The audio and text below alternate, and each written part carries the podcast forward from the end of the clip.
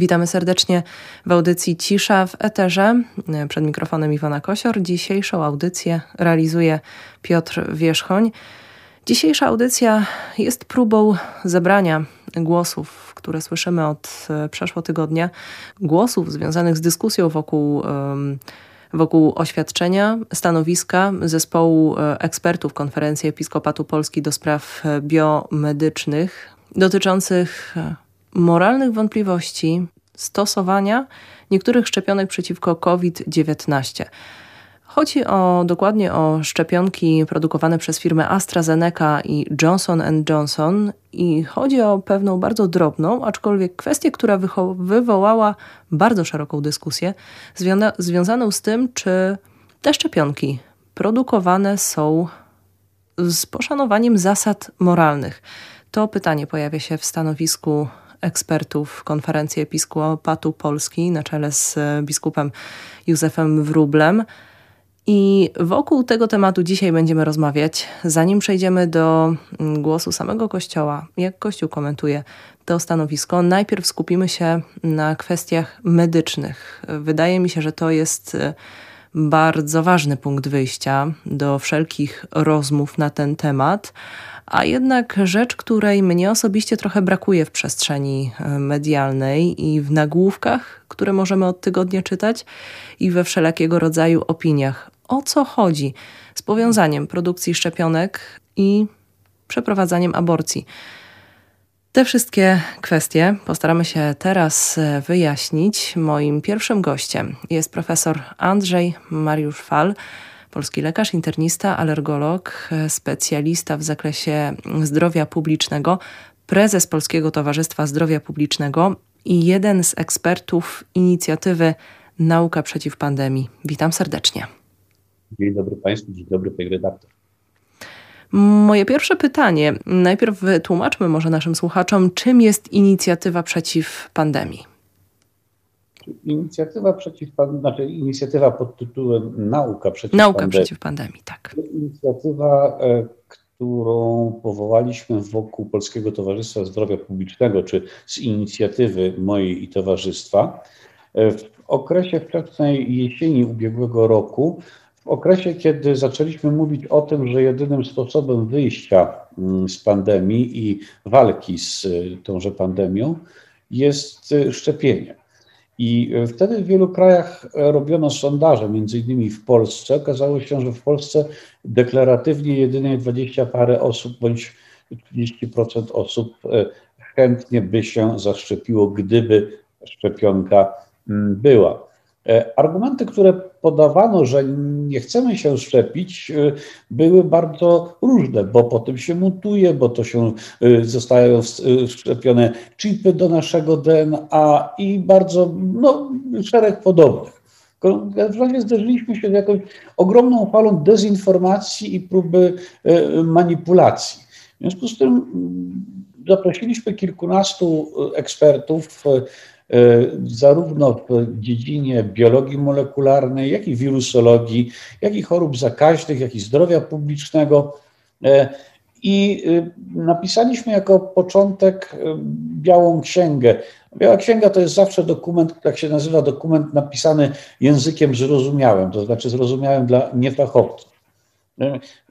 Ambitnie postanowiliśmy sobie, że napiszemy wszystko o szczepionkach, o wskazaniach, przeciwwskazaniach, o tym w ogóle, co to jest wirus, o tym, co to jest choroba wirusowa, ale w sposób zrozumiały dla przeciętnego Kowalskiego, który zechciałby to e, przeczytać.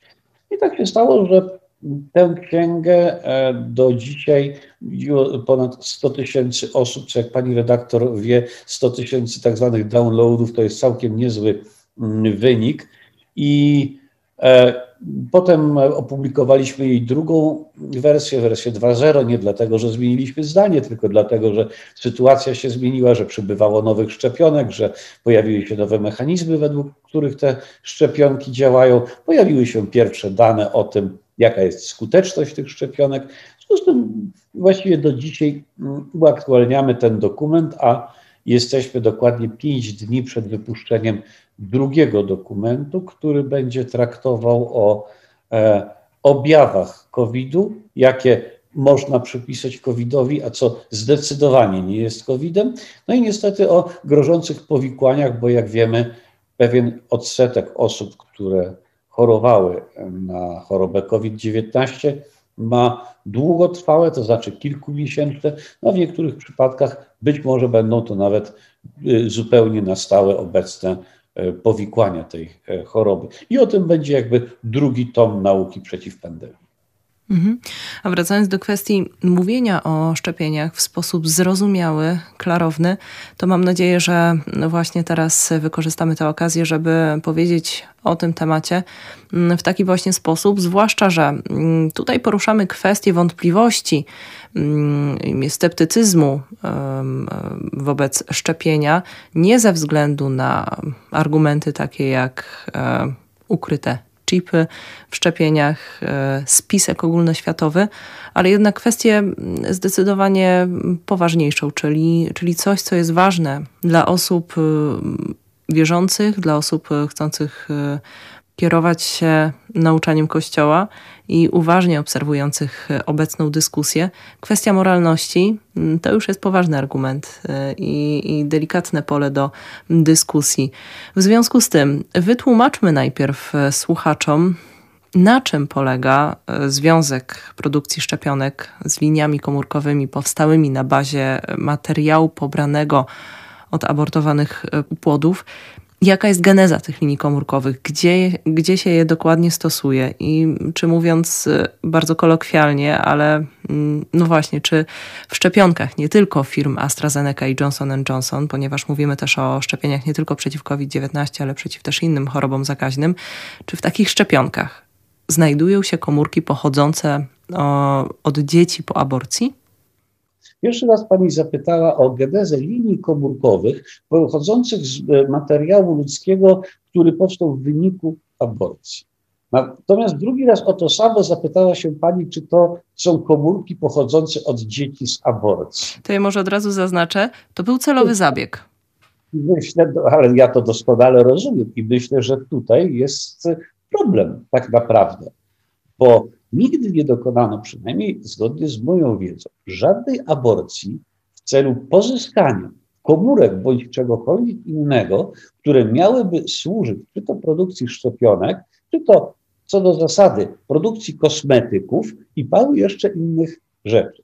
Natomiast zdarzało się, na przykład w 1964 roku, kiedy aborcję przeprowadzono decyzją amerykańskiego sądu nie znam dokładnego powodu, ale była to niewątpliwie nakazana sądownie aborcja i z, tych, z tegoż abortowanego we, zgodnie z decyzją sądu pozyskano komórki, z których powstała linia komórkowa, e, e, która do dzisiaj służy do namnażania wirusa zapalenia wątroby typu A.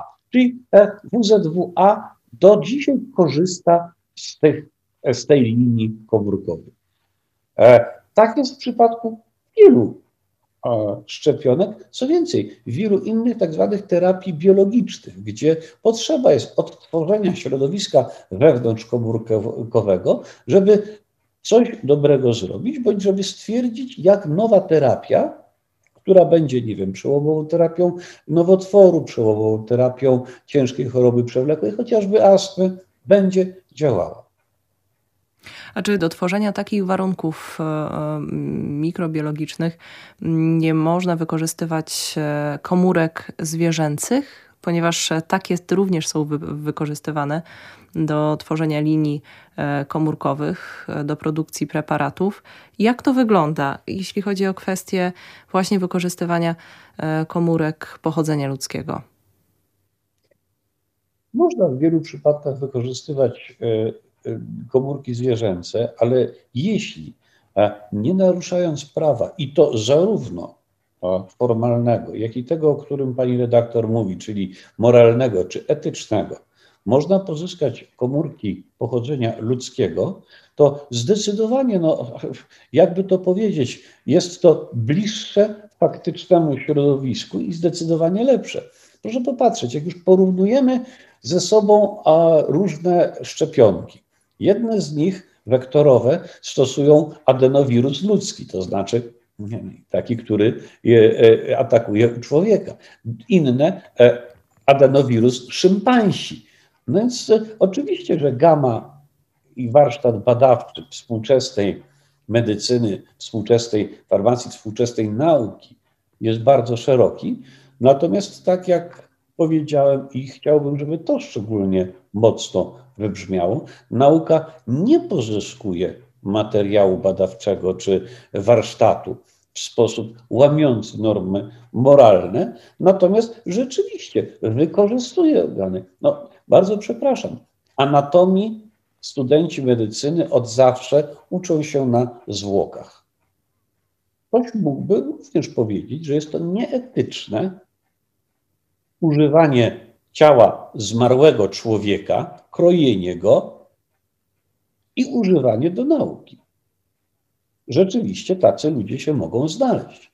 Ale wiemy też, że są ludzie, którzy we własnych testamentach zapisują swoje ciało nauce. I tego typu dylematy na pewno tkwią u zarania dziejów i my ich również nie rozwiążemy. Natomiast są to dylematy, które niewątpliwie nie powodują ani w tym wczesnym okresie życia po poczęciu, ani w tym bardzo późnym okresie życia, czy nawet po śmierci, e, nieetycznego postąpienia z tkanką ludzką czy z komórką ludzką. Też na pytanie, jak e, w kwestii mm, moralności podchodzić do mm, tego konkretnego przypadku, o którym dzisiaj e, mówimy, czyli produkcji z wykorzystaniem e, linii komórkowych pochodzących od komórek człowieka. O tym porozmawiamy w drugiej godzinie mm, audycji. W tej godzinie audycji chciałabym, tak jak podkreślam od początku, chciałabym się skupić na, na, na stronie medycznej i wytłumaczeniu tego, jak cały proces e, przebiega. Stąd też moje kolejne pytanie, mm, jak w najprostszy sposób wytłumaczyć komuś, na czym polega cały ten proces. Jak to jest, że raz pobrane te e, kilkadziesiąt lat temu e, komórki zostały później jakoś wykorzystane i w jaki sposób ta produkcja te linie produkcyjne są przez tyle lat podtrzymywane? Do e, podtrzymania przez tak długi czas, bo to są e, miliony pasaży, czyli jakby miliony pokoleń tych komórek minęły od tamtego czasu, potrzeba wybitnej wiedzy i fantastycznych warunków. No, zostały rzeczywiście e, spełnione, natomiast nie wszystkie komórki, nie wszystkie linie komórkowe się do tego nadają. W związku z tym tak bardzo ważnym jest, żeby takie linie komórkowe umieć znaleźć czy umieć utworzyć. I linie raz utworzone, może e, akurat paralela nie do końca płyna, ale to jest milion pokoleń dalej, jakby teraz analizować, czy mój przodek czasami w okresie karbonu e, nie był e, zabójcą z maczugą biegając, bo mniej więcej mój związek z nim jest taki, jak dzisiejszych komórek, e, których namnażany jest wirus, dzisiejszych linii komórkowych z pierwotną komórką sprzed 40 lat. Mówiąc krótko, bardzo zwiewny, ulotny, żeby nie powiedzieć żaden.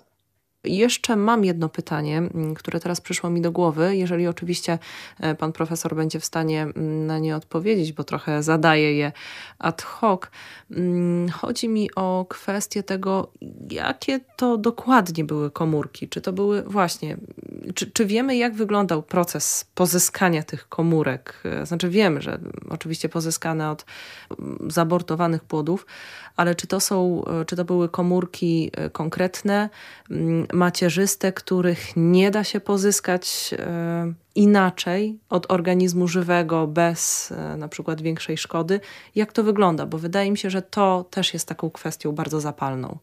Pani redaktor, ja jestem lekarzem.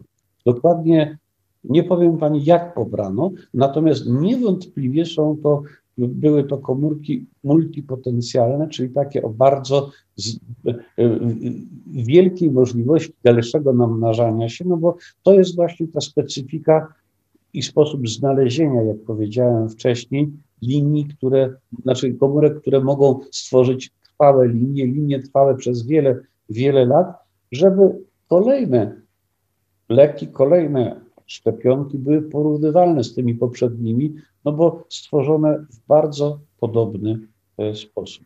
Mhm. Czyli mówiąc inaczej, y, to też jakby jest właściwość y, tak młodego organizmu, który produkuje komórki, które później będą przekształcały się w kolejne organy i tkanki. Czyli mówiąc inaczej. Ja mhm. jeszcze jedno, jeśli pani pozwoli, mhm. bo nie do końca wydaje mi się, że z naszej rozmowy wybrzmiało, mhm. że e, w szczepionkach nie ma nie było i nie będzie ani tych linii komórkowych, o których mówimy, ani fragmentów tych komórek. Mhm.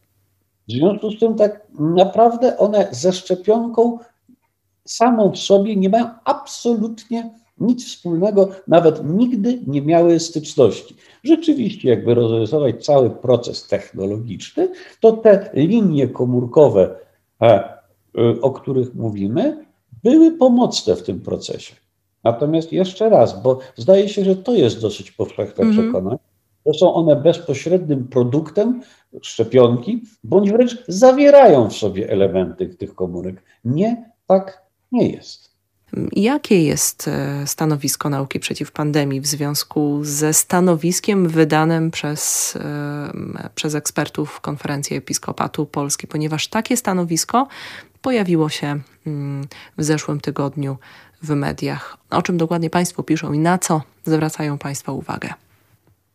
Pani redaktor, małe sprostowanie na początku. Mhm. Nasze to nie jest w sprawie stanowiska Komisji Episkopatu. Nasze stanowisko jest podsumowaniem wiedzy naukowej i medycznej dotyczącym e, szczepionek, ich produkcji, a w szczególności wykorzystania linii komórkowej komórkowych w tej produkcji. To mhm. nie jest ani odpowiedź, ani polemika, ani nasza opinia o opinii episkopalnej. Mhm. W związku z tym no, mogę powiedzieć tylko tyle, co mówiliśmy w pierwszej części naszej rozmowy, że właściwie większość szczepionek, które obecnie stosujemy przeciwko śwince, odrze, różyczce, ospie wiecznej, e, wirusowemu zapaleniu wątroby, są to szczepionki, które gdzieś w swojej e, ciągu technologicznym produkcji zawierają jakieś linie komórkowe. Mówiliśmy o przykładzie tej linii z 1964 roku, która tak naprawdę powstała no, z komórek płodu abortowanego nakazem sądu. E, nie wiadomo do dzisiaj, co było powodem nakazu, bo do dzisiaj jest to utajnione. Natomiast prawdopodobnie chodziło o zgodę sądu na wykonanie aborcji chorego płodu bądź zagrażającego matce. Tak jak y, no, w naszym kraju zmienia się podejście formalne do kwestii aborcji. E, było kwestią regulacji kongordatowej w tę czy w drugą stronę e, to się przesuwało, no ale tak czy inaczej. Z takich czy innych powodów aborcje się zdarzały. No i teraz wykorzystanie komórek z płodu abortowanego z zupełnie innego powodu, zdrowotnego, sądownego, prawnego, nie wnikam, bo się na tym nie znam zupełnie. E, ale wykorzystanie tych komórek nie uważam, żeby było problemem etycznym czy moralnym, bo nie ich pozyskanie było powodem aborcji.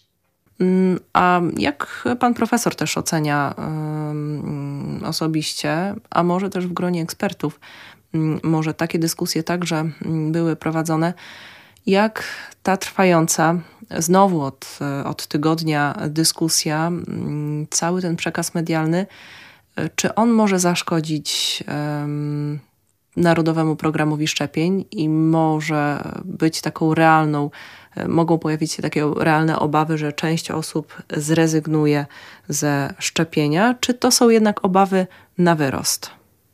Mam nadzieję, że to są obawy y, na wyrost, bo tak naprawdę realnym zagrożeniem nie jest realizacja Narodowego Planu Szczepień.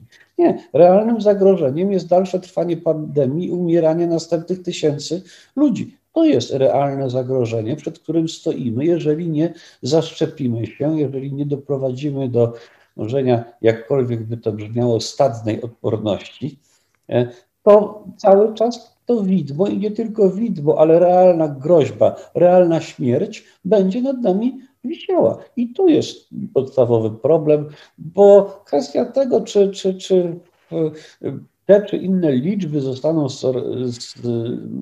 zachowane czy dochowane terminy, zupełnie inna historia.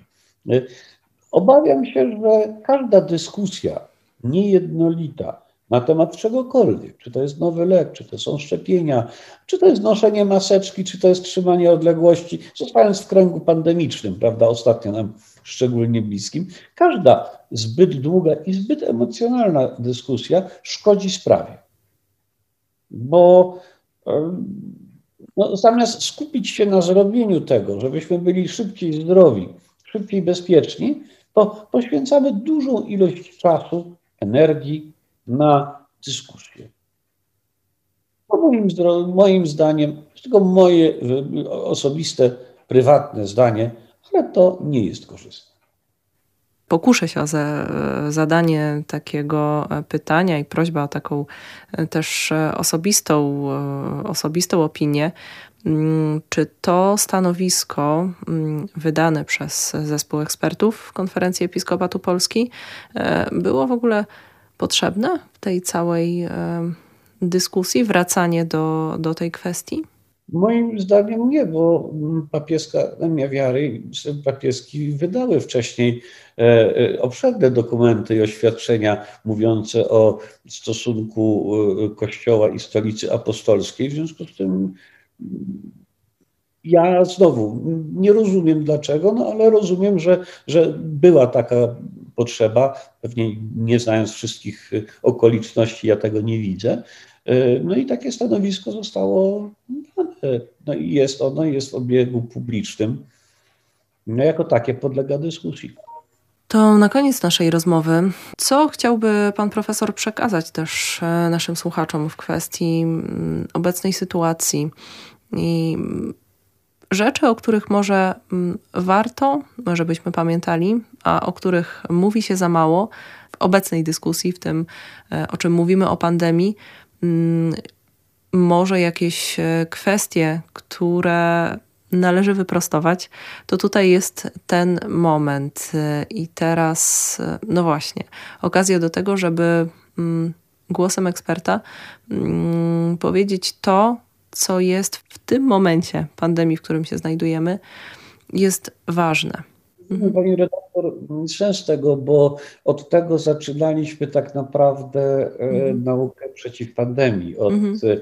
twierdzenia, gdzie jest problem zrozumienia społecznego. Nie dlatego, że sprawa jest wątpliwa, tylko dlatego, że e, no, jedni z nas są specjalistami w jednych, inni w zupełnie innych dziedzinach i e, okres czy czas ludzi renesansu y, dawno y, temu przeminął.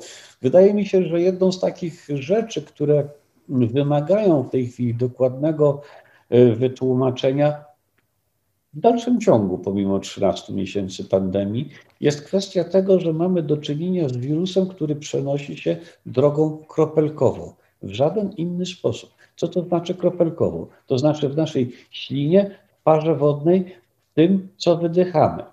W związku z tym, Szanowni Państwo, drodzy słuchacze, Pani redaktor i Radia Lublin, e, nie ma innego sposobu, żeby zablokować przenoszenie się wirusa, który podróżuje drogą kropelkową, niż uniemożliwienie dotarcia kropelki ode mnie do kogoś drugiego.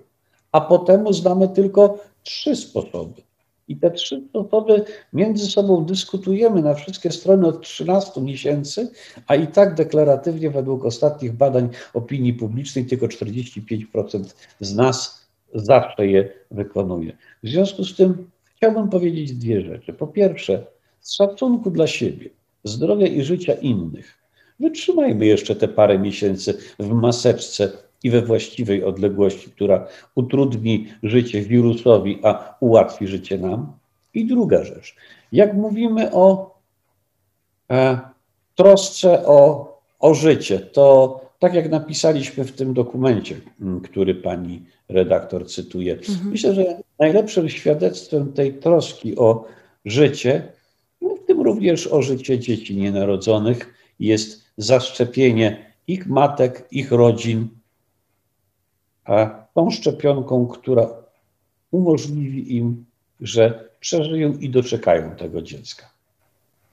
Przypomnijmy, strona naukaprzeciwpandemii.pl. Tam można znaleźć e, sporządzone, spisane w przystępny sposób, przystępnym, e, prostym językiem wszystkie kwestie, które, które, o których warto wiedzieć, zanim zaczniemy dyskutować między innymi o kwestii szczepień i o kwestii e, pandemii. Mm, bardzo dziękuję za rozmowę. Moim gościem był profesor Andrzej Mariusz Fal, mm, internista, alergolog, prezes Polskiego Towarzystwa Zdrowia Publicznego i jeden z ekspertów inicjatywy Nauka przeciw pandemii. Dziękuję serdecznie. Dziękuję serdecznie pani redaktor. Dziękuję. Do widzenia pani, do widzenia państwu. Witamy ponownie w audycji Cisza w Eterze. Moim kolejnym gościem jest ksiądz Piotr Kieniewicz, Marianin, doktor habilitowany teologii moralnej i bioetyk do którego kieruję kolejne pytania. Kwestię medyczną, czysto medyczną, omówiliśmy mm, z poprzednim gościem, mm, z profesorem Andrzejem Falem. Mm, teraz czas na pytania, na spróbowanie ustalenia, jak e, stanowisko wydane przez e, ekspertów nauka przeciw pandemii koreluje ze stanowiskiem e, zespołu ekspertów Konferencji Episkopatu Polski do spraw bioetyki. Moje pierwsze pytanie. Podczas obserwowania całej tej dyskusji, która toczy się wokół wokół wydanego stanowiska pod przewodnictwem e, biskupa Józefa Wróbla. Mm. W czym tak naprawdę tkwi, tkwi problem? Dlaczego to stanowisko wywołało tak duże zamieszanie i tak dużą, mm, tak dużo sprzecznych głosów? Czy ono rzeczywiście nie zgadza się z, albo może tak, nie do końca pokrywa się z wydanym już przecież kilka miesięcy temu, pod koniec grudnia, mm, także oświadczeniem Kongregacji Nauki Wiary, mm, też poprzednim stanowiskiem Konferencji Episkopatu Polski, które także odnosiło się do, do, do pisma Watykanu. Po co w takim razie kolejne oświadczenia, które można odczytywać różnie. Z jednej strony jest jasno powiedziane, że e, konferencja Episkopatu Polski zachęca do szczepień, ale pojawia się to ale, które odbiorcy mm, interpretują różnie. To znaczy, y, najpierw witam wszystkich serdecznie. Mhm. Panie redaktor, y, myślę, że to jest kilka pytań. Jedno to jest, o co nam chodzi w naszej dyskusji, o co chodzi w naszej rozmowie. Y, wokół szczepionek i wokół tego oświadczenia. Y, druga rzecz to jest, co w tym oświadczeniu jest, a trzecia to jest, y, jak to jest komentowane i dlaczego. Mhm.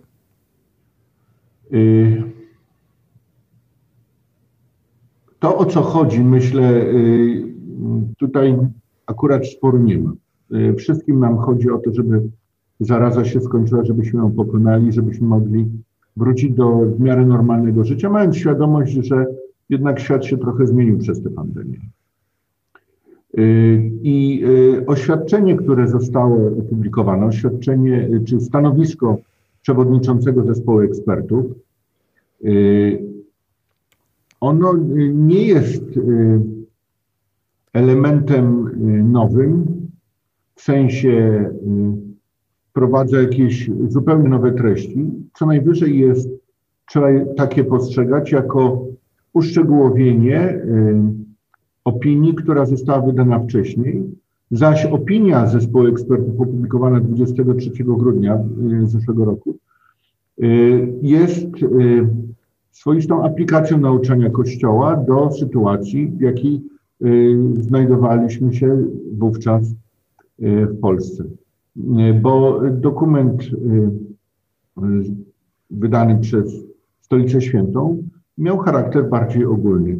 Y, osobną kwestią jest, że tamto stanowisko grudniowe, ono obejmowało także mm, inne kwestie związane ze szczepionkami, niekoniecznie już ze szczepionkami mm, przeciwko SARS-CoV-2. W odniesieniu do SARS-CoV-2 wszakże odnosiło się wyłącznie do szczepionek Pfizera i Moderny, które wówczas były, miały być wprowadzone w Polsce, czyli do szczepionek w technologii mRNA. Nie odnosiły się do szczepionek budowanych w sposób klasyczny w oparciu o adenowirusa jako wektora wprowadzającego materiał wirusa powodującego COVID-19. I w sytuacji, kiedy jedna już z tych szczepionek, czyli AstraZeneca, jest na rynku, druga zaraz ma być prowadzona, y, zespół został, a ściśle mówiąc y, biskup przewodniczący, został poproszony przez y, episkopat o wydanie ekspertyzy.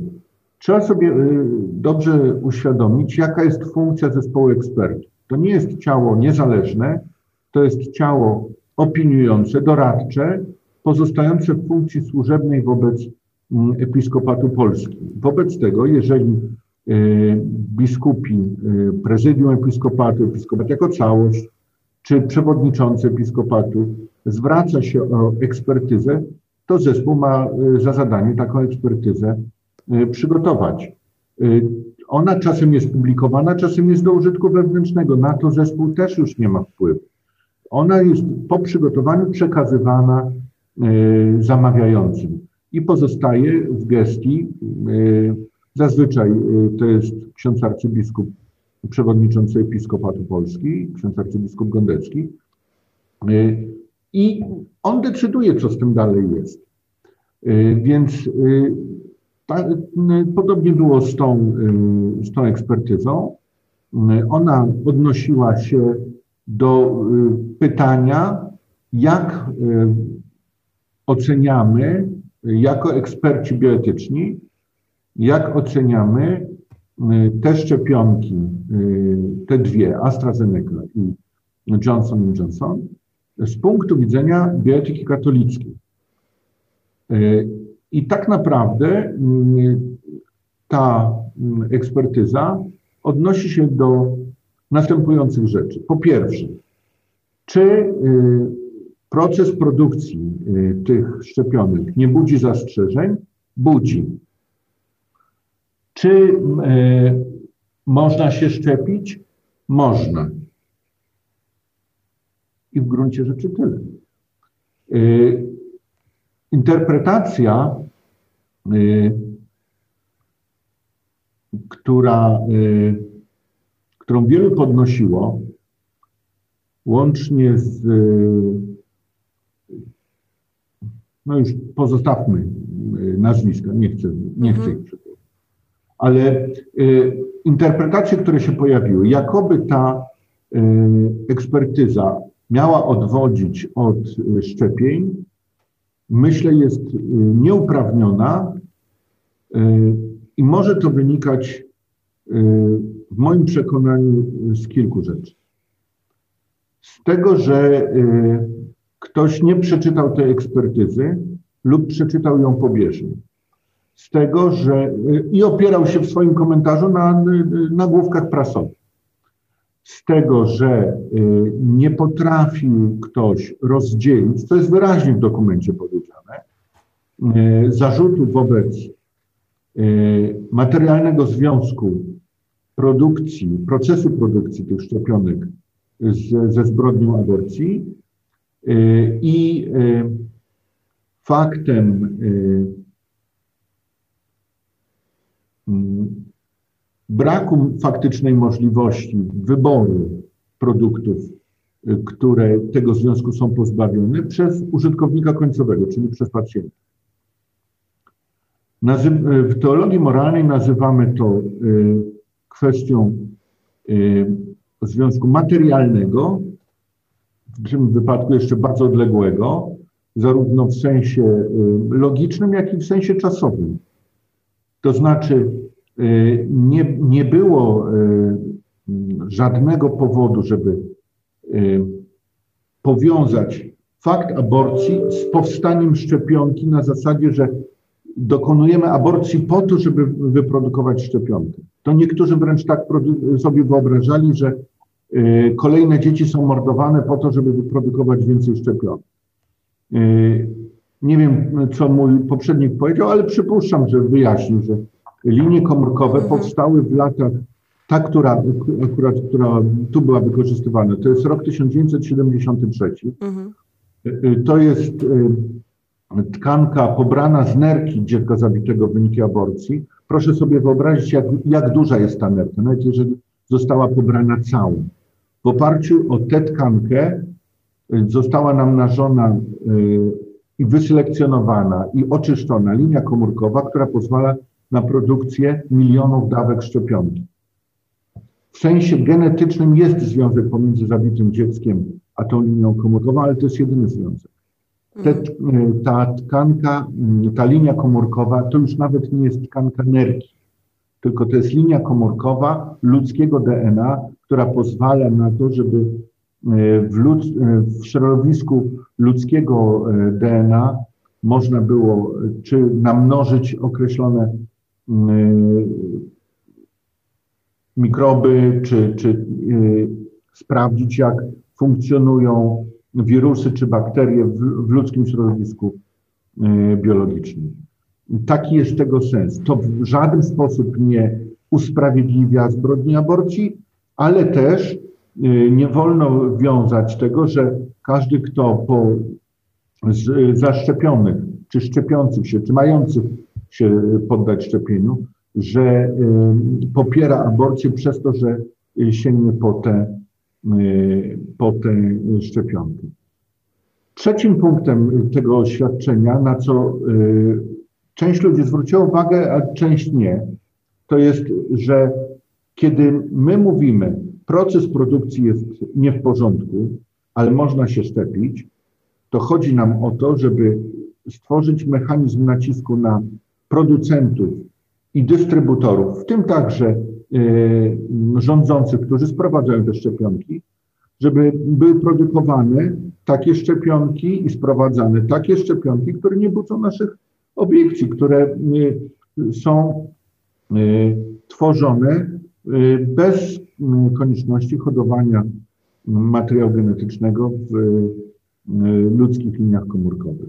A jeżeli by trzeba było w ludzkich liniach komórkowych, to może warto w końcu wobec rozwoju genetyki wykorzystać możliwość reprogramowania komórek macierzystych i żeby nie trzeba było robić korzystać z linii wyprowadzonych z ciał dzieci, które zostały zabite w wyniku aborcji, tylko z e, komórek ludzi dorosłych, którzy je oddali e, w akcie swojej dobrej woli, tak jak to jest ze, z tkankami i organami przekazywanymi do przeszczepu. A skoro mm, pojawia się kwestia.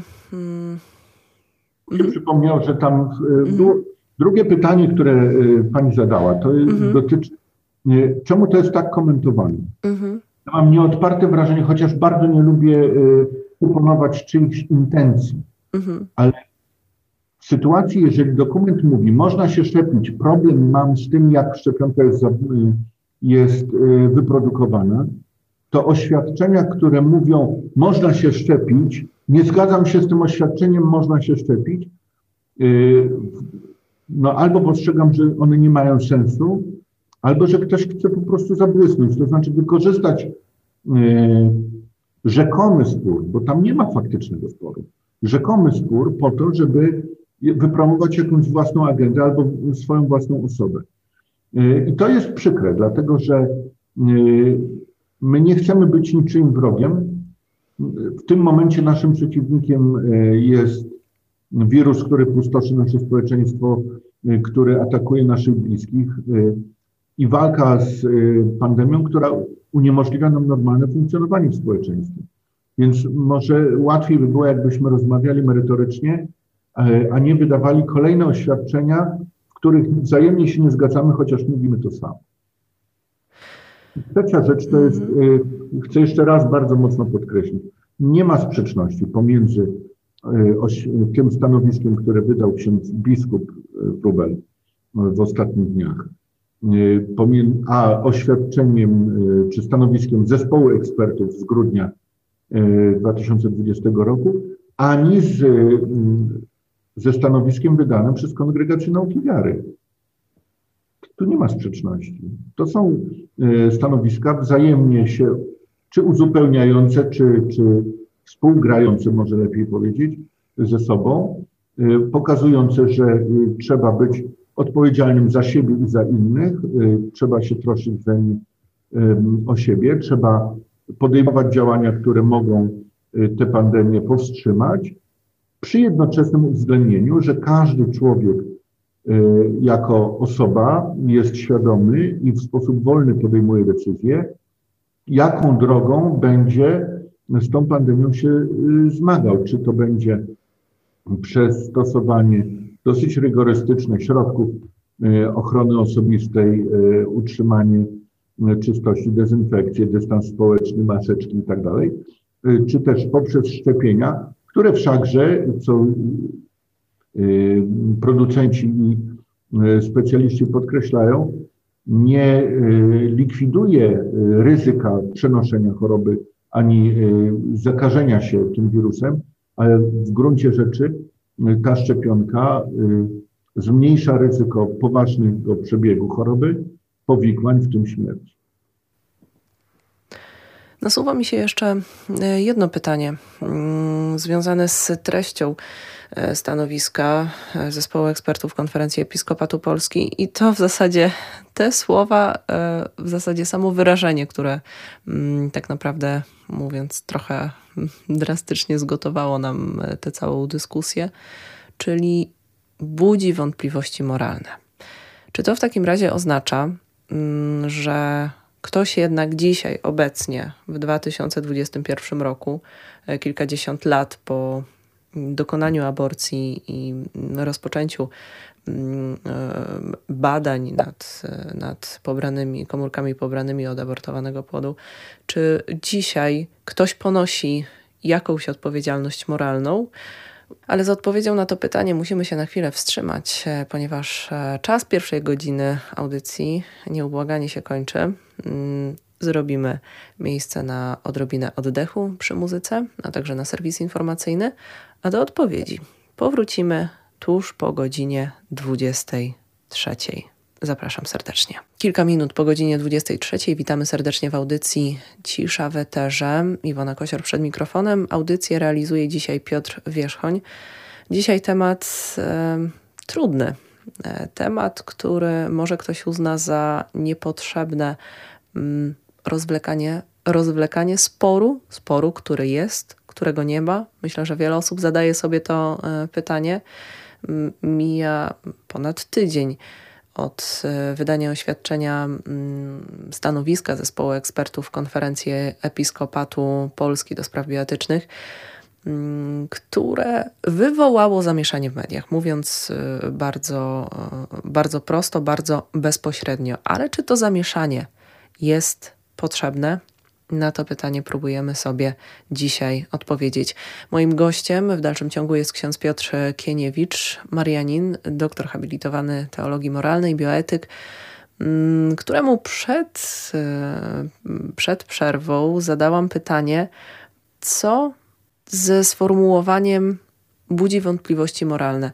Czy w takim razie, dobrze, mamy jasno wytłumaczone, wierni, którzy. Mm, stosują szczepionkę AstraZeneca bądź szczepionkę Johnson Johnson, bo przypominamy, że w kwestii szczepień przeciwko COVID-19, dzisiaj poruszamy tylko kwestię tych konkretnych szczepień, produkcja tych szczepionek, jakby ten cały zalążek budzi wątpliwości moralne, ale to nie znaczy, że osoby wierzące, przejmujące te szczepionki, popełniają jakikolwiek grzech. To w takim razie czy ktoś. Kto popełnia? Nie, kto popełnia. Może, może w ten sposób się nie doszukujmy, chociaż no, czy można tak to rozumieć, jeżeli ktoś. No czy... Tak, mhm. Bo jeżeli mamy y, sformułowanie, że produkcja budzi y, wątpliwości moralne, to znaczy, że w procesie tworzenia szczepionek jest coś, y, czego być nie powinno. Tak jest tego sens. Mhm. Tak jest zresztą y, w teologii mówimy o grzechu, w moralności y, postrzeganej nie teologicznie, mówimy po prostu o nieporządku moralnym. Tak, w etyce mówimy o nieporządku moralnym. Ale w gruncie rzeczy to jest ta sama rzeczywistość, że jest coś, czego z punktu widzenia etyki, czyli y, dobra i powinności, być nie powinno. Y, tak naprawdę y, myślę są dwie rzeczy. Jedna to jest fakt, że kiedyś, przed wielu dziesiątkami lat, kiedy zabite zostało dziecko, jego ciało zostało potraktowane po prostu jako, jako przedmiot, jako materiał biologiczny, y, który można wykorzystać. Y, I tak nie wolno robić, mówiąc najkrócej. Y, proszę zwrócić uwagę, że kiedy mówimy o przeszczepach i jest pobrany, ma być pobrana tkanka, czy ma być pobrany organ do przeszczepu, to pada pytanie, czy ten, kto jest dawcą, to on się na to zgadzał, czy nie? Y, jeżeli się nie zgadzał, to nie pobieramy, prawda? W moralności chrześcijańskiej mówimy, że ta zgoda musi być wyrażona w sposób wyraźny, jednoznaczny, uprzedni. Nie można się domyślać, że skoro się nie sprzeciwił, to, to na pewno się zgadza, bo tak wcale nie jest, wcale się nie musiał zgodzić. Y, co więcej, w odniesieniu do tych, którzy nie mają zdolności do wyrażenia swojego zdania, do małoletnich, do dzieci, y, te rygory są y, jeszcze mocniejsze. Niektórzy twierdzą, że nie wolno pobierać. Oczywiście, że problem z przeszczepami jest taki, że dzieciom można przeszczepić tylko organów dzieci. Więc tutaj jest pewien zgryz i no, korzysta się z uprawnień rodziców, ale już nawet stosunkowo młodych ludzi, 10-12-letnich, jeżeli mają tylko wystarczającą świadomość do tego, żeby rozpoznać, że coś jest dobre albo coś nie jest dobre, to ich się też pyta, czy, czy się zgodzą na to, żeby przekazać na przykład swoją krew, żeby przekazać swój organ bratu czy siostrze. Y, więc tutaj mamy sytuację, że y, jest ciało człowieka i zostaje potraktowane jako przedmiot. Tego nie wolno robić. Druga rzecz to jest, że jest to człowiek, który został zabity po prostu. Z punktu widzenia moralności chrześcijańskiej y, jest to, jest to zbrodnia najwyższego rzędu. Jakkolwiek w społeczeństwie na całym świecie jest dosyć powszechne przyzwolenie na ten proceder, no to z punktu widzenia naszej moralności chrześcijańskiej tak nie jest. Y, no można się z tym nie zgadzać, no ale y, przyjęliśmy też w naszym społeczeństwie, w kulturze euroatlantyckiej, że szanujemy poglądy religijne i domagamy się, żeby to, to uszanować. To jest o tyle ciekawe, że my mówimy, że coś jest nie w porządku i że nie należy tego robić, Y, ale y, jednocześnie zaznaczamy, że każdy z nas jest wolny i zrobi tak, jak uważa. I także w tych oświadczeniach dotyczących szczepień tego typu y, jakby klauzule, zaznaczenia są umieszczone, że każdy z nas ostatecznie podejmuje decyzję sam za siebie. Natomiast my postrzegamy aborcję jako czyn wysoce niegodziwy. I ponieważ to koncern farmaceutyczny podejmuje działanie wykorzystania ciała dziecka, czy tkanki pobranej z ciała dziecka zabitego w wyniku aborcji do produkcji najpierw linii komórkowej, a potem jej wykorzystania y, w procesie produkcji czy testowania medykamentów. Wobec tego, jeżeli ktoś ponosi ciężar moralny, to ten, kto to zrobił. Natomiast my mamy też świadomość, że y, użytkownik końcowy, pacjent, y, niespecjalnie ma wybór. W gruncie rzeczy w tej chwili zdecydowana większość medykamentów w ten czy w inny sposób jest testowana w środowisku ludzkiego DNA. Y, nie można wykluczyć, że większość nowoczesnych środków farmaceutycznych jest testowane na ludzkich liniach komórkowych. Część z nich to są linie komórkowe wyprowadzone z ciał dzieci e, zabitych w wyniku aborcji. Nasz postulat moralności chrześcijańskiej, on wyrażany był w pismach zarówno Kongregacji Nauki Wiary, jak i Penitencjarii Apostolskiej Akademii Życia, Papieskiej Akademii Życia, także w, w stanowiskach zespołu ekspertów bioetycznych Konferencji Episkopatu Polski.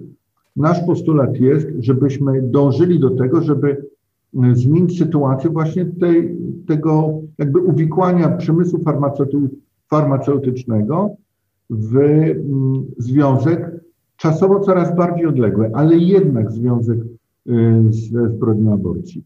Wiedza medyczna poszła do przodu, umiemy reprogramować y, komórki macierzyste. Wydaje się, że jest możliwe tworzenie linii komórkowych w oparciu o tkanki pobrane od ludzi dorosłych, którzy E, te tkanki przekażą e, w darze, tak jak się przekazuje organy czy tkanki do przeszczepów. Są już takie linie, z tego co widziałem w jednym z czasopism, w użyciu, tylko że akurat nie przy produkcji szczepionek, więc tak naprawdę jedyna rzecz to jest, żeby chcieć, żeby podjąć w tym kierunku wysiłek i tego się domagamy. Czyli w zasadzie tutaj pojawia się pewna taka kwestia, że może zapewnienia, że nie da się inaczej, e, że to jest jedyny sposób, najlepszy sposób, e, nie do końca e, mają pokrycie w prawdzie, czy to jednak już jest za, daleki, za daleko wysunięty przeze mnie osąd? Myślę, że to jest bardzo dobre ujęcie sprawy. Ja kiedyś spotkałem takie fajne powiedzenie, że jak są chęci, to się sposób znajdzie, a jak nie ma chęci, to są powody. Znaczy szukamy powodu, że się nie da. Mm, myślę, że się da. Myślę, że wiele rzeczy się da, jeżeli naprawdę się chce.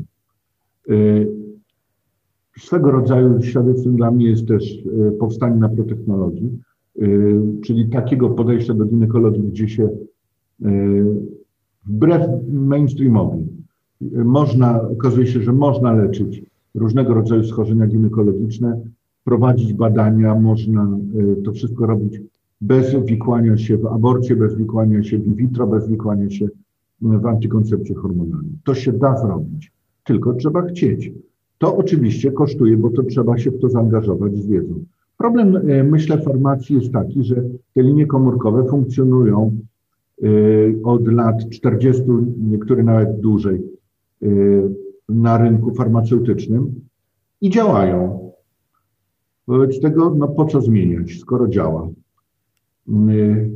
Więc my mówimy, to prawda działa, to prawda wiele dobra się tutaj dokonało, natomiast dobro nie usprawiedliwia zła, które gdzieś było na początku, cel nie uświęca środków i nie wszystko, co jest y, fizycznie wykonalne, jest moralnie godziwe. Tymczasem y, chcemy chronić godność człowieka, no chcemy chronić jego wewnętrzne dobro, jego wewnętrzne ukierunkowanie na dobro.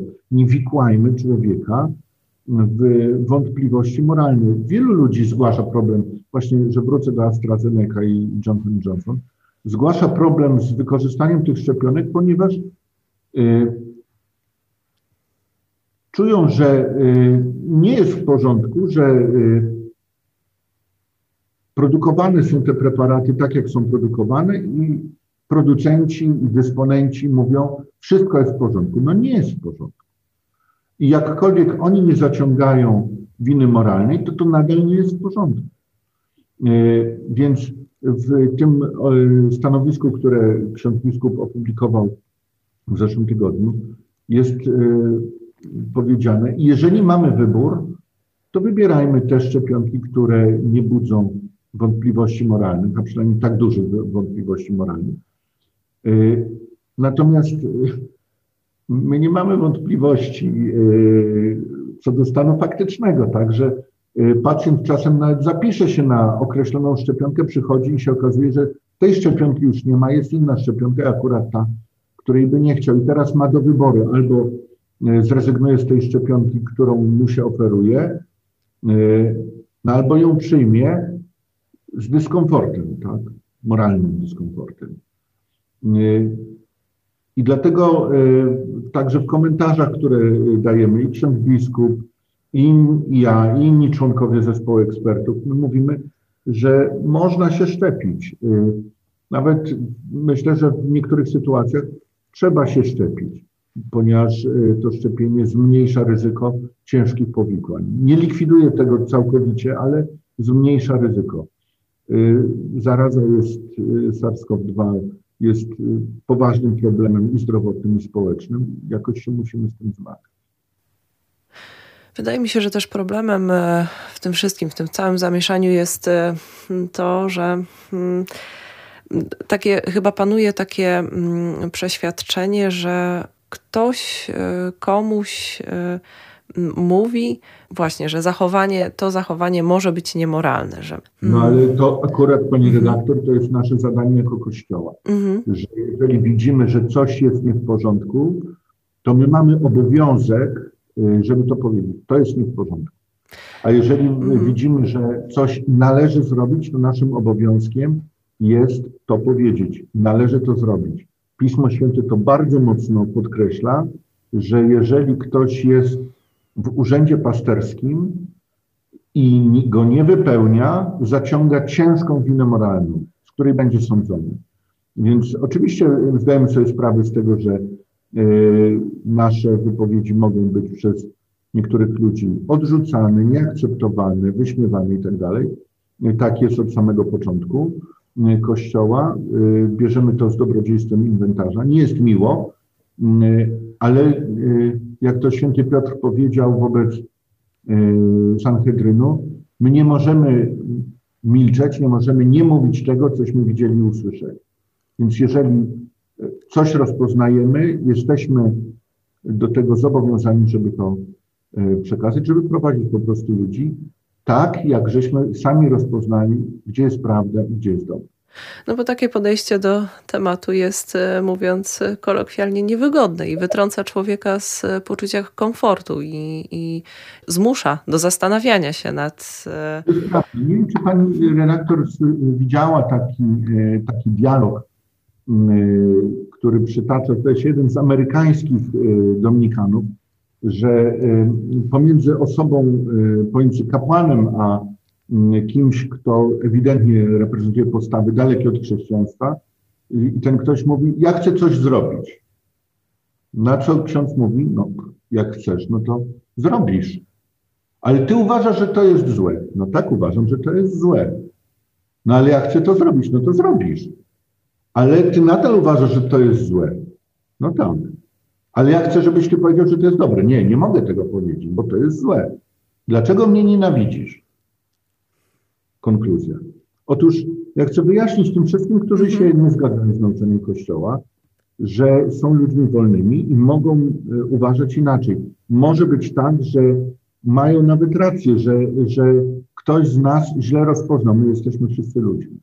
Natomiast nie wolno nam udawać, e, że widzę coś na jeden sposób, kiedy widzę inaczej. Moim obowiązkiem jako pasterza e, także jako teologa, jest, y, żeby przekazywać prawdę tak, jak ją poznałem. Prawda mnie wiąże, prawda mnie zobowiązuje. Kocham ludzi, y, szanuję ludzi, szanuję ich wolność y, i akceptuję ich prawo do innego postrzegania rzeczywistości, innego wybierania niż ja bym wybrał. Natomiast to mnie nie zwolni, to uszanowanie ich wolności nie zwalnia mnie z obowiązku, żeby powiedzieć, że jeśli widzę, że coś jest złe, to mówię, to jest złe. Mhm. Tyle. Tak sobie też myślę, e, trochę w ramach podsumowania tego, o czym rozmawiamy, mm, tak sobie też myślę o tym, że mm, zastanawianie się nad tym, czy konkretne szczepionki budzą wątpliwości moralne, mm, to jest chyba też okazja do tego, żeby nie skupiać się wyłącznie na szczepionce. Szczepienie to jest y, tylko bardzo y, niewielki ułamek naszego życia i podejmowanych w naszym życiu decyzji. Y, I tak naprawdę, gdyby zastanowić się nad innymi wyborami, mm, także można się doszukać, doszukać pytań, czy coś, z czego korzystam, zostało wyprodukowane, zostało stworzone, opracowane z poszanowaniem praw moralnych, godności drugiego człowieka. Tych pytań, gdybyśmy się zastanowili, może pojawić się naprawdę bardzo dużo. I, i tak... klasyczny, klasyczny przykład to, to jest korzystanie z y, dzieła malutkich rąk chińskich dzieci. Dokładnie. I, pracowników. Korzystamy, kupujemy, bo chińskie jest tańsze, tak, ale często zapominamy, że wiele z tych produktów powstaje y, z poważnym nadużyciem czy podeptaniem ludzkiej godności. No i to też, ponieważ my kupujemy wobec tego, niejako wyrażamy przyzwolenie. I tutaj to, to jest efekt naszego wyboru, bo my mamy wybór, czy kupię, czy nie kupię, prawda? Y, to rzadko jest tak, że jesteśmy zmuszeni do tego, żeby, żeby wybrać akurat ten produkt. Y, kiedyś była, że odwrócę trochę y, te, bo nie chciałbym, się, żebyśmy mhm. naszą audycję, naszą rozmowę na negatywach. Kiedyś była taka akcja, że kupuję, bo polskie. Mhm.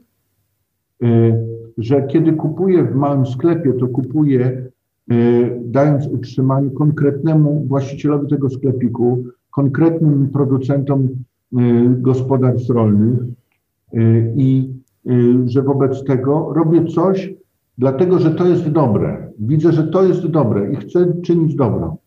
Być może to mnie trochę więcej kosztuje, bo dobro kosztuje, tak to jest. Ale właśnie dlatego, że to jest dobre, wobec tego widzę, że nie tylko, że mogę to zrobić, ale że najpewniej powinienem to zrobić. I y, myślę, że kluczem do moralności w ogóle, zarówno chrześcijan, jak i niechrześcijan, powinno być nie tyle, żeby nie zrobić nic złego, tylko żeby robić dobro. Szukajmy dobra, a nie zła. Szukajmy tego, co, do czego jesteśmy wzywani, a nie tylko, żeby rozpoznać zagrożenia i przed nimi uciekać.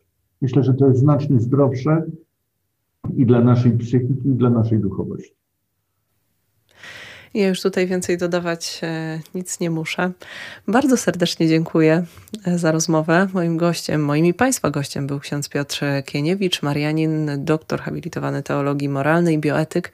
Dziękuję serdecznie za poświęcony czas. Dobrej nocy Pani redaktor, dobrej nocy wszystkim. A ja się jeszcze nie żegnam. E, audycja Cisza w Eterze jeszcze pozostaje na antenie Radia Lublin. Słyszymy się za kilka minut. Witamy ponownie w audycji Cisza w Eterze. Mm, tym razem z kolejnym gościem, e, którym jest e, tym razem ksiądz biskup Adam Bab, biskup pomocniczy archidiecezji lubelskiej. Witam serdecznie. Witam serdecznie, szczęść Boże.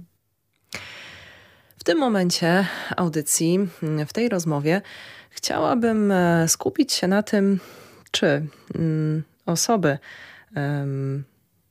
prowadzące spór zgadzają się w swoich kwestiach, tylko mają problem ze zrozumieniem tego, co każda ze stron mówi, czy jednak ten spór, nazwijmy to spór ideowy, istnieje.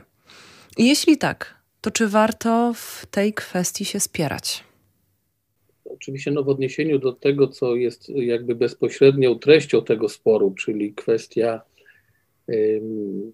korzystania ze szczepionek, które budzą mhm. wątpliwości moralne, to tutaj wydaje mi się, że y, w tej konkretnej sprawie y, może sporu nie powinno być, jeśli każdy, kto odnosi się w jakiś sposób krytyczny, czy ma swoje zdanie w odniesieniu do, do, tego, do tych publikacji y, zespołu bioetycznego Episkopatu Polski, to wydaje mi się, że y, kwestia dobrego zrozumienia, z dobrą wolą tego, co, co zostało w tym dokumencie stwierdzone i zapisane, i w tym sensie ten spór może by y, nie istniał. Natomiast istnieje rzeczywiście y, pewne kluczowe pytania, i one są sporne, mianowicie dotyczące tego, co jest jakby trochę w tle tego wszystkiego, mianowicie czy wolno, czy nie wolno, powinniśmy, czy nie powinniśmy wykorzystywać do badań y, właśnie, czy do, do, do produkcji szczepionek materiał y, biologiczny pochodzący właśnie z abortowanych y, płodów.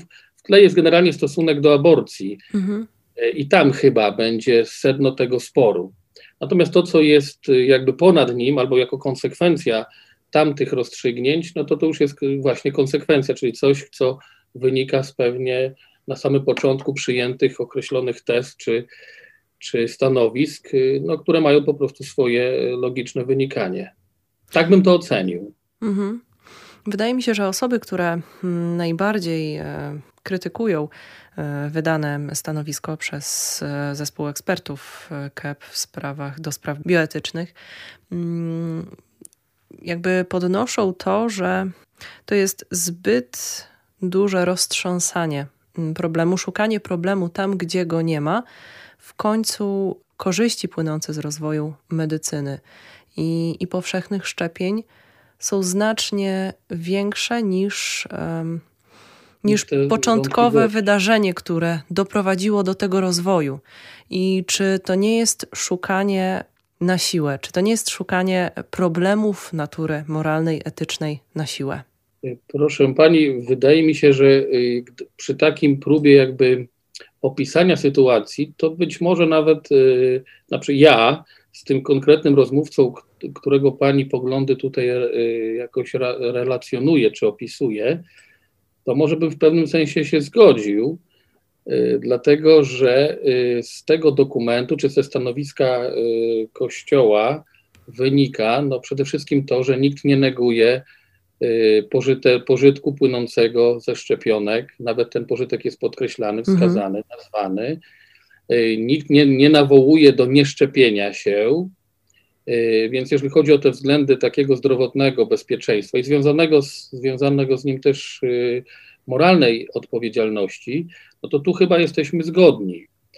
Y, poza tym jest kwestia tego, kto, kto ma, w jakiej sytuacji znajdują się wszyscy ci, którzy się mają dziś zaszczepić, a mają jakieś moralne wątpliwości w odniesieniu do szczepionek, których, których produkcja jest taka, a nie inna to prawdopodobnie no, wskazana jest dokładnie jedna taka sytuacja, w której należałoby, y, można powiedzieć, odmówić szczepionki określonego pochodzenia, ale nie szczepienia w ogóle. Mhm. Nie wiem, chyba w Polsce jeszcze nie zachodzi taka sytuacja, żebyśmy mieli wybór związany ze szczepionkami.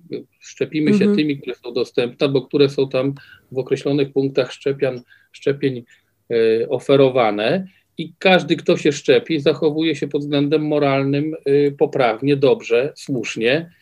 I w tym sensie problem, wydaje mi się, y, nie istnieje.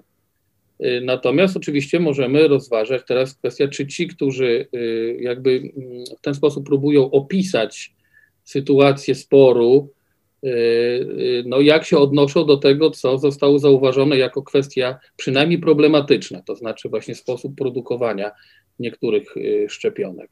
I w tym sensie y, możemy chyba rozmawiać.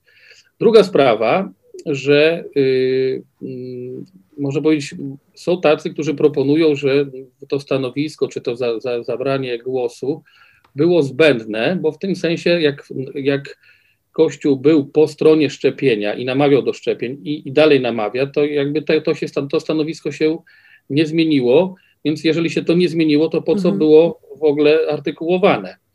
Ale jest właśnie ta przysłowiowa druga strona medalu, że są też określone grupy społeczne i takie y, y, poglądy krążące pośród ludzi, że y, właśnie jakby z powodu czy z, z, z, korzeni ewangelicznych, re, religijnych związanych z wiarą wyprowadza się postawę antyszczepionkową. Mhm. Że właśnie ta postawa antyszczepionkowa jest właściwą postawą dla chrześcijanina, dla człowieka wierzącego. Więc ten dokument krytykuje, czy nie popiera takiego, takiego stanowiska i w tym sensie byłby, jest, e, no jest potrzebny, chociażby, żeby ta, jakby taki głos e, nazwać w ten sposób, że nie jest to głos Kościoła. Mhm. Tak, ja osobiście też rozumiem ten dokument pod tym kątem, że jest to też próba zwrócenia uwagi na to, jakby zainteresowanie się tym, skąd, skąd pochodzą poszczególne preparaty, po prostu wzbudzenie świadomości. Tak. tak ja to odbieram. Pytanie, które teraz, zanim zadam pytanie, które przyszło mi do głowy, jeszcze może pośrednie, jakby wskazujące na to, jak mówienie o jednej kwestii na różne sposoby może mm, prowadzić do przeróżnych e, opinii i, i też tych opinii sprzecznych. I jak w tym wszystkim się nie pogubić? Dobrze, przechodząc do sedna, chciałabym powołać się na jeden z przykładów ze stanowiska ekspertów z inicjatywy Nauka przeciw pandemii. Oni w swoim stanowisku podkreślają, że szczepienia preparatami AstraZeneca i Johnson Johnson nie promują aborcji. Jeśli chodzi o stanowisko zespołu ekspertów Konferencji Episkopatu Polski, biskup Józef Wrubel podkreśla, że stosowanie tych preparatów w przypadku braku wyboru nie zaciąga winy moralnej, jednak konieczne jest zamanifestowanie swojego sprzeciwu wobec aborcji. No i właśnie, czy to oznacza, że któraś ze stron e, myli się w swoim toku rozumowania, a któraś ma rację? Czy to jest po prostu zwracanie uwagi na różne aspekty? I jak, jak się w tym wszystkim nie pogubić, ponieważ e, nie da się ukryć, że można interpretować to tak, że to jest jasny komunikat. Jedno z tych stanowisk, e, któreś z tych stanowisk musi być błędne, skoro jedno mówi o tym, że szczepionki nie promują aborcji, a w drugim słyszymy o tym, że korzystanie z tych preparatów powinno się wiązać z manifestowaniem sprzeciwu wobec aborcji. Y, wie Pani, wydaje mi się, że akurat tak jak Pani przedstawiła, czy zestawiając te dwa punkty widzenia, one są do uzgodnienia i tak troszkę upraszczając sprawę, sądzę, że biskup Wróbel, ja tak, który podpisał ten dokument w imieniu y, tej komisji, zgodziłby się z taką tezą, że te preparaty czy te szczepionki nie promują aborcji. Mhm albo nikt ich nie produkuje po to, żeby promować aborcję.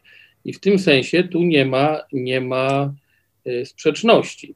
Natomiast y, takie stanowisko może zająć profesjonalista, jakim jest pan profesor Fal, jeśli dobrze go y, mhm. pamiętam nazwisko, czy to środowisko naukowe, jak również profesjonalista, jakim jest y, chociażby ten no, y, bioetyk, nasz biskup Józef Wrubel. Mhm. Natomiast jest pytanie jeszcze o trzeci podmiot, nazwijmy to, jakim jest przeciętny wierny. Mhm.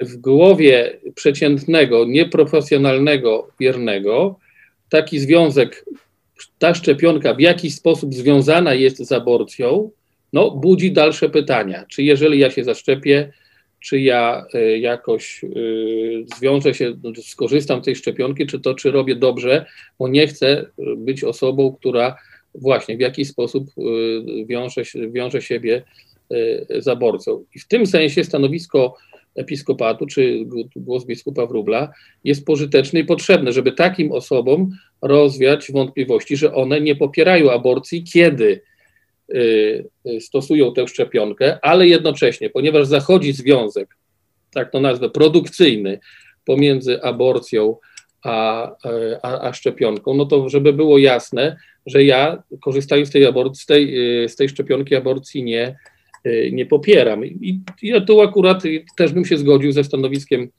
y, tych naukowców, jakby, którzy jakby nie, nie reprezentują tutaj opinii, no powiedzmy moralno religijnej, tylko czysty, czystą informację przekazują naukową, że, że to, stosowanie tych szczepionek nie, nie, nie próbuje aborcji.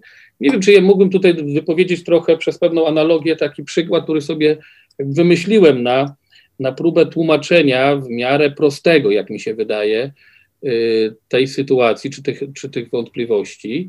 Na przykład, gdy ktoś jest w stanie, nie wiem, braku dostępu do wody pitnej, jedynym miejscem, gdzie może tę potrzebę za, y, zabezpieczyć, to jest jakiś supermarket, w którym na półkach stoją butelki z wodą, wyprodukowaną przez firmę, która daje pieniądze na aborcję, czy dla firm, czy dla stowarzyszeń, fundacji proaborcyjnych, sponsoruje je po prostu. Mhm.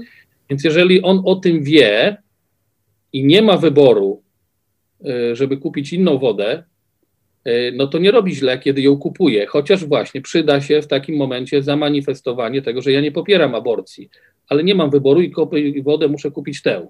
Natomiast mhm. gdy na półce stoją różne wody, no to też mogę powiedzieć, kupuję tę, dlatego że ta pochodzi z firmy, która nie sponsoruje aborcji.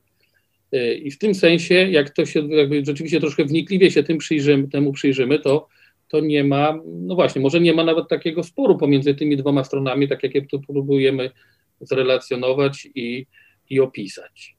Oczywiście czym innym są już później jakby powierzchowne, byle jakie, bym wręcz powiedział, relacje no, medialne obu stanowisk, prawda? One też tam mają swoje intencje, swoje uproszczenia, swoje tabloidalne nagłówki. No i a to akurat pewnie tego sporu nie zasypuje, tylko go jeszcze podgrzewa podejmowanie tematu w mediach ma jeden z głównych e, środków, jeden z głównych celów, mm, żeby odbiorca w szybki sposób wyrobił sobie opinię na dany temat. Dlatego też mam nadzieję, że, mm, że dzisiejsze dwie godziny rozmów i dyskusji e, pozwoli trochę szerzej przyjrzeć się. Mm, ja temu... wejdę jeszcze Pani w słowo, mhm. przepraszam, bo Pani tak powiedziała, żeby sobie odbiorca wyrobił w szybki sposób mhm. pogląd czy poczucie jakiegoś bezpieczeństwa, również moralnego, czyli takiego światopoglądowego. I to zgoda, że jest też takie oczekiwanie, ale tutaj ta sprawa właśnie może wymaga troszkę y, tego, aby się za chwilę zastanowić, znaleźć na to czas, na przemyślenie y, i zrezygnować z takiego pragnienia, że to szybko i łatwo ma się dokonać, tylko no trzeba może powiedzmy pewną logikę się wgryźć, y, poznać ją, nie? Poświęcić jej, jej trochę uwagi. Zresztą y, pierwsze wypowiedzi Kościoła na ten temat, y, taka nota Kongregacji Nauki Wiary o szczepionkach mm. przed paru lat, no ona rzeczywiście wprowadziła tam rozróżnienie na przyczynowość formalną, materialną, pośrednio, bezpośrednią i to objaśnienie tego w taki sposób, no być może bardziej zaciemniło obraz niż go rozjaśniło. E, choć było to związane z używaniem bardzo takiego precyzyjnego mm, języka, y, analizy też etycznej, filozoficznej, no ale no, ludzie akurat chcą mieć na, na swoje decyzje jakby jasne światło, nie, a nie skomplikowane, prawda? I tutaj zgoda, że, że czasami, no, y, powiedzmy, takie prawo przekazu medialnego, żeby no, coś w miarę szybko, łatwo streścić, wyjaśnić, no, nie do końca jest adekwatne do tego, żeby Y, poważny problem zrelacjonować no właśnie taką metodą.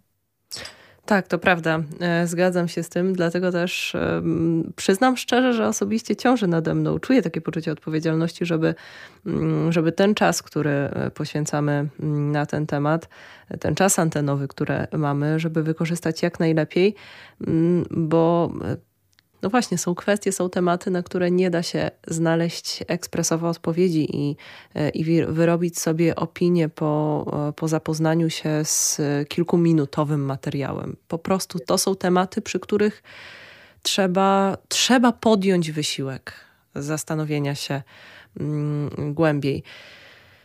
No, w rozmowie od, odgrywa też no, pewna taka powiedziałbym, uczciwość, która zawiera w sobie, no tak bym to określił, dobrą wolę, prawda, że ja nie od mhm. razu jestem nastawiony negatywnie do, do przeciwnika i nawet zanim otworzył usta, to już wiem, że nie ma racji, tylko no ważną rzeczą jest wsłuchać się w to, jak ktoś odbiera moje stanowisko, jak je, jak je rozumie, i tam, gdzie wydaje mi się, że się zgadzamy, to zauważyć to, że się zgadzamy, a tam, gdzie jest różnica, to dobrze, precyzyjnie jest nazwać tę różnicę i spróbować razem zrozumieć, z czego ta różnica y, wynika. To skoro mówimy już o języku y, komunikacji, to chciałabym przejść do mm, ostatniego pytania, mm, które jeszcze chciałabym y, w tej naszej rozmowie zadać krytyka mm, dokumentu, konkretnego dokumentu Konferencji Episkopatu Polski mm, pojawia się w zasadzie nie po raz pierwszy. Ostatnio dosyć często, w każdy, tak mi się wydaje, tak, tak ja to odbieram, że mm, sporo e, stanowisk wydawanych w ostatnim czasie budzi kontrowersje, budzi krytykę także ze strony osób Kościoła. Na pewno po części za to odpowiada krytyczne nastawienie u, podstaw, czyli, czyli chęć negowania wszystkiego, o czym, w czym Kościół zawiera głos. Na pewno gdzieś część motywacji e, można temu przypisać, ale mm, czy po części za taki stan rzeczy nie odpowiada też zawiły język stanowisk i komunikatów wydawanych przez Konferencję Episkopatu Polski? Ja osobiście, bo tu to akurat jakby w tej sprawie mogę, to jakby nie, mówię, nie reprezentuję Episkopatu mm. Polski, tylko moje, moje stanowisko. I tu się zgodzę, że pisząc określone, mm, określoną wypowiedź, czy właśnie zajmując stanowisko, powinno nam w tym sensie episkopatowi, czy mhm. komukolwiek, kto w jego imieniu wy, występuje, towarzyszyć pytanie, czy taka refleksja, czy na tak to nazwijmy przeciętny wierny zrozumie to, co chcieliśmy przekazać. Mhm. Nie? I tu zgoda. Jeżeli ktoś z, zewnątrz, nawet nie z zewnątrz, ale właśnie z wnętrza Kościoła powie, y, że no, ten język jest, no nie wiem, zbyt hermetyczny, zbyt kostyczny, zbyt nasączony jakimiś terminami, które nie są w powszechnym użyciu i, i w tym sensie trudny do zrozumienia, y, no to zgoda, że trzeba, trzeba popracować nad, nad jego taką zrozumiałością, komunikatywnością. I co do tego właśnie, to y, już będę się powtarzał, co do tego zgoda, że że nie możemy zakładać, że z automatu jesteśmy y, zrozumiani używając takiego czy innego języka. Y, to, to jest to jedna zgoda, z którą te chcę tutaj wypowiedzieć, a może pierwsza. Druga, to też się zgodzę z tą pani diagnozą trochę, że czasami y, właśnie ten krytyczny głos kierowany w stronę Kościoła czy określonych dokumentów, wypowiedzi, pochodzi no, z takich źródeł, z których się nie, nie spodziewamy przychylnego głosu, od autorów, od których się notorycznie nie spodziewamy mhm. przychylnego głosu, łącznie z ludźmi Kościoła. Więc y, to mówiąc troszkę tak zgłośliwe, że w określonych y, mediach określoni y, rozmówcy czy goście są ze swoimi tezami czy poglądami będą przewidywalni. I jakby mi przyszło pójść do takich mediów i wypowiedzieć się jak taki czy inny człowiek Kościoła, Y, no to wiedziałbym, jak powiedzieć, żeby być w tych mediach przyjętym i mówiąc tak złośliwie, trochę oklaskanym. Y, więc w tym sensie nie jest to jakoś tam zaskakujące. Y, więc tutaj jest kwestia może dodatkowego pytania o tę, o, tę, o miejsce i stosunek na Kościoła, biskupów do głosów krytycznych pod adresem biskupów i Kościoła. Jakieś odrzucenie tej krytyczności i takie potraktowanie tego takie nonszalanckie, że to jak jest, jest w ogóle nieuzasadnione, nieuprawomocnione, że to jest zamach na jakąś świętość, no to wiadomo, że tak, taka postawa nie zbuduje ani zrozumienia, ani jedności, ani nie jest niczym dobrym. Y, to, to jest jakby jedna skrajność, której należy, należy unikać. Ale druga, druga skrajność y, to polega na tym, że y, reprezentując stanowisko wynikające z wiary, wynikające z tradycji z Kościoła, z nauczania Kościoła, etycznego, moralnego też. Artykułując takie stanowisko, no, yy, napotkamy się na, na, na, kogoś, kto się z tym nie zgadza, kto będzie to krytykował, i z tego nie wynika, że to stanowisko trzeba zmieniać czy mhm. jakoś naginać.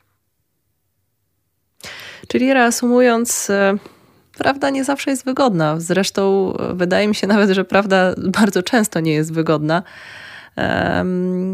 I, no, i ważne to, że... jest, żeby ona była dla nas wszystkich jednakową wartością, żeby przez mhm. nikogo, kto powołuje się na to, że chce wypowiedzieć pewną prawdę i, i również wtedy, kiedy o tę prawdę troszczy się głosem krytycznym, rzeczywiście miał do niej stosunek uczciwy, a nie jakiś taki manipulacyjny, że pod osłoną troski o prawdę tak naprawdę, tak naprawdę chodzi o coś innego, nie?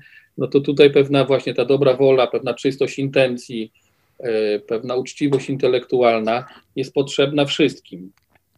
I, i na pewno, jeżeli, jeżeli ktoś nie, nie yy, zakłada, znaczy no, wypowiada się w takim duchu, to uważam, że no jest godnym, godnym partnerem yy, do, do rozmowy.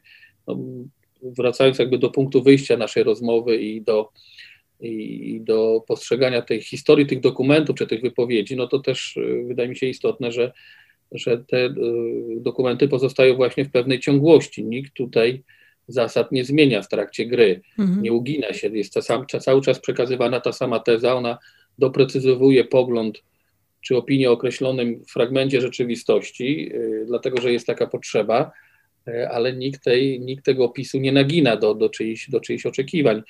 Nie nagina, to znaczy też jest gotowy przyjąć krytykę mhm. i to, że się ktoś na to nie zgadza. To podsumowując naszą e, rozmowę, mm, tak mi teraz przyszło do głowy, e, czy ma ksiądz biskup może jakieś myśli, jakieś słowa, które chciałby e, przekazać naszym słuchaczom w kontekście tej całej sytuacji, tych głosów krytycznych, których, które śledzimy od, od tygodnia, podejścia do, do całego tematu. Coś, co pomoże patrzeć trochę ze świeższym umysłem, ale też e, pozbyć się wrogiego nastawienia, zarówno jednej, jak i drugiej strony? No, mamy takie, taką wypracowaną chrześcijańską zasadę i, i ją chciałem przypomnieć i zaapelować do stosowania y, przez wszystkie spory, wszystkie strony sporu. Mianowicie, że jeżeli dyskutujemy o tym, o prawdzie, innymi słowy to ujmując, y, o tym, kto ma rację, to, to szukanie wspólne tej prawdy niech się odbywa też miłości. A miłość zaznacza, zakłada, czy jest takim stanowiskiem, które y, zabezpiecza pozytywny ostatecznie stosunek do drugiego człowieka, również do adwersarza sporu, szacunek do niego, nie potępianie go w punkcie wyjścia, nie, nie deprecjonowanie, nie odmawianie mu prawa do, do samodzielnego myślenia. Y, więc ten spór o prawdę, o takim czy innym aspekcie życia ludzkiego, naszych czynów, zachowań, ale o, też o tym, e, kim jest człowiek, niech się dokonuje, dokonuje w miłości. Ta miłość równa się szacunek, miłość to się równa właśnie dobra wola, miłość to się równa pewna uczciwość e, intelektualna. I wydaje mi się, że gdy, gdy ten spór będzie jakby dokonywał się w tym klimacie miłości, szacunku, to, no to nie będzie języka, e, jak to się dzisiaj mówi, nienawiści, agresji czy inwektyw. Taki język jest nieusprawiedliwiony w ustach kogokolwiek. I myślę, że te słowa przydadzą się nie tylko, mm, jeśli będziemy jeszcze w naszym mniejszym, prywatnym gronie podejmować temat e, tego, czy stosowanie szczepionek AstraZeneca bądź Johnson Johnson, albo szczepionek też na inne choroby zakaźne, które również pochodzą mm, z linii komórkowych uzyskanych po dokonanej e, lata temu, po dokonanych lata temu aborcjach. E, przypominam też, że, że to były e, jednorazowe przypadki, ale jednak aborcja była początkiem, początkiem do utworzenia konkretnych linii komórkowych potrzebnych do produkcji medykamentów. Wejdę Pani mhm. słowo, trzeba pamiętać, że właśnie ta aborcja nie była też popełniona po to, żeby wytworzyć te tak.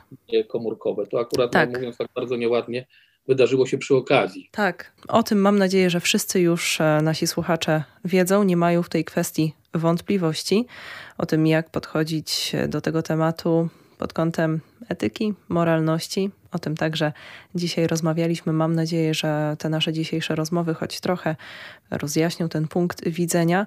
A ja życzę wszystkim, żeby słowa mm, księdza biskupa Adama Baba pomagały w prowadzeniu dyskusji i w wydawaniu może właśnie bardziej opinii niż osądów, nie tylko w tym temacie, ale w każdym innym temacie w naszym życiu, w naszych dyskusjach. Bardzo serdecznie dziękuję za tę rozmowę. Dziękuję bardzo, wszystkiego dobrego. Pozdrawiam serdecznie. Moim gościem był, e, przypomnijmy, ksiądz e, biskup Adam Bab, biskup pomocniczy archidiecezji lubelskiej. Nasza audycja dobiega końca. Mm, dziękuję bardzo serdecznie wszystkim Państwu za uwagę. Przed mikrofonem Iwona Kosior. Dzisiejszą audycję realizował Piotr Wierzchoń. Życzę wszystkim dobrej nocy i do usłyszenia za tydzień.